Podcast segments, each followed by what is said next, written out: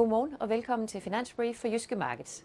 Vi skal som altid kigge frem mod den her uges vigtigste begivenheder, og det gælder alt fra inflation og renter og deres øh, påvirkning på aktiemarkederne ikke mindst, men investorerne vil altså også skele til øh, udviklingen i Mellemøsten efter at Hamas jo angreb Israel i øh, weekenden. Men inden vi dykker ned i de forhold, så skal vi som altid have et kig tilbage på bevægelserne på de finansielle markeder i sidste uge. Og det var altså endnu en uge, hvor renterne lagde et øh, klart pres på øh, risikoappetitten øh, med aktiekursfald til følge på de fleste øh, af de store øh, aktiemarkeder rundt omkring i verden.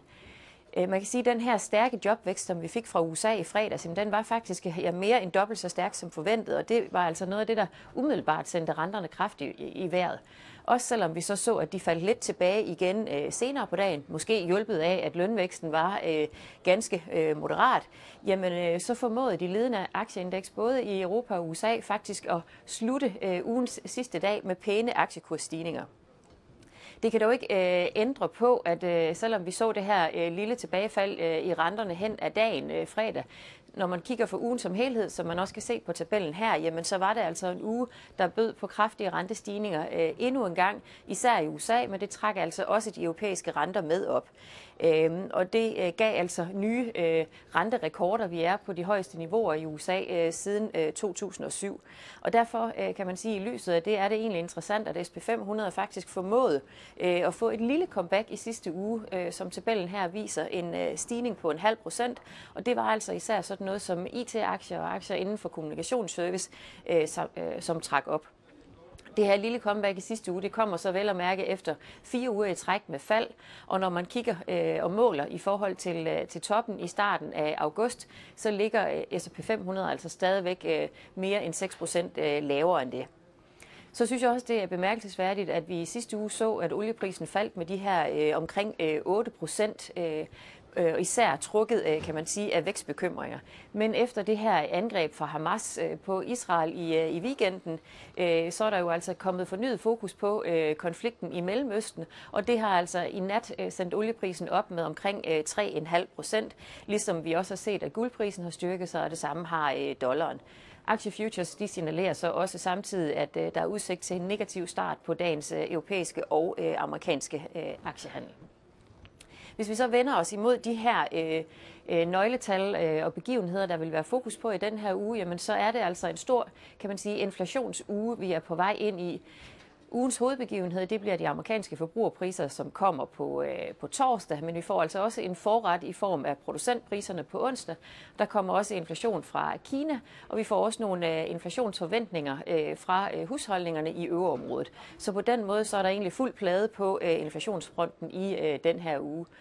Og når det især er de amerikanske forbrugerpriser, der er interessant, så er det selvfølgelig fordi, at de sammen med øh, den her stærke, stærke jobrapport, som vi fik fra USA i øh, fredags, er et meget vigtigt input øh, til øh, Fed, som jo næste gang mødes øh, den 1. Øh, november.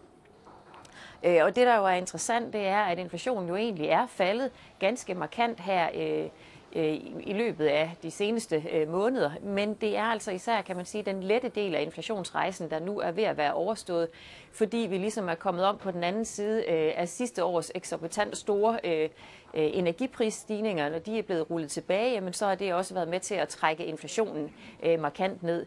Den næste del af inflationsrejsen, den står altså til at blive lidt mere besværlig og mere bumpet, fordi det, det handler om der, jamen det er, at vi skal have bedre styr på det her stærke arbejdsmarked, øh, hvor vi jo stadigvæk har rekordlav ledighed mange steder, stigende beskæftigelse.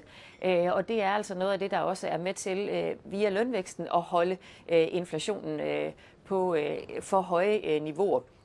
Heldigvis så har vi faktisk oplevet, at de sidste tre måneder har vist en øh, noget mere moderat øh, inflation i USA, og det er altså det, vi holder øje med, om det også er tilfældet, når vi får forbrugerpriserne fra september på torsdag så er der jo også stor fokus på øh, centralbankerne, og det er jo altså fordi, at øh, inflationen øh, sammen med den her stærke arbejdsmarkedsrapport jo er vigtige input forud for Fed-mødet her den, øh, den 1. Øh, november.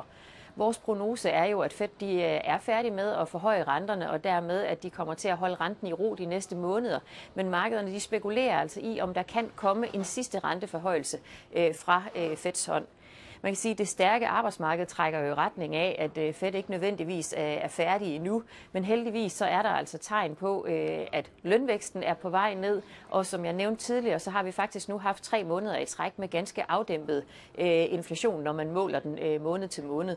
Og det er altså et, et vigtigt input og et positivt signal for Fed. Øh, for øh, centralbankerne øh, får vi også en række signaler i den her uge. Der er en lang række fedtfolk på talerstolen, og der vil vi selvfølgelig lytte nøje efter, hvordan de vurderer styrken på arbejdsmarkedet efter den her øh, jobrapport jo slog forventningerne markant i, øh, i fredags.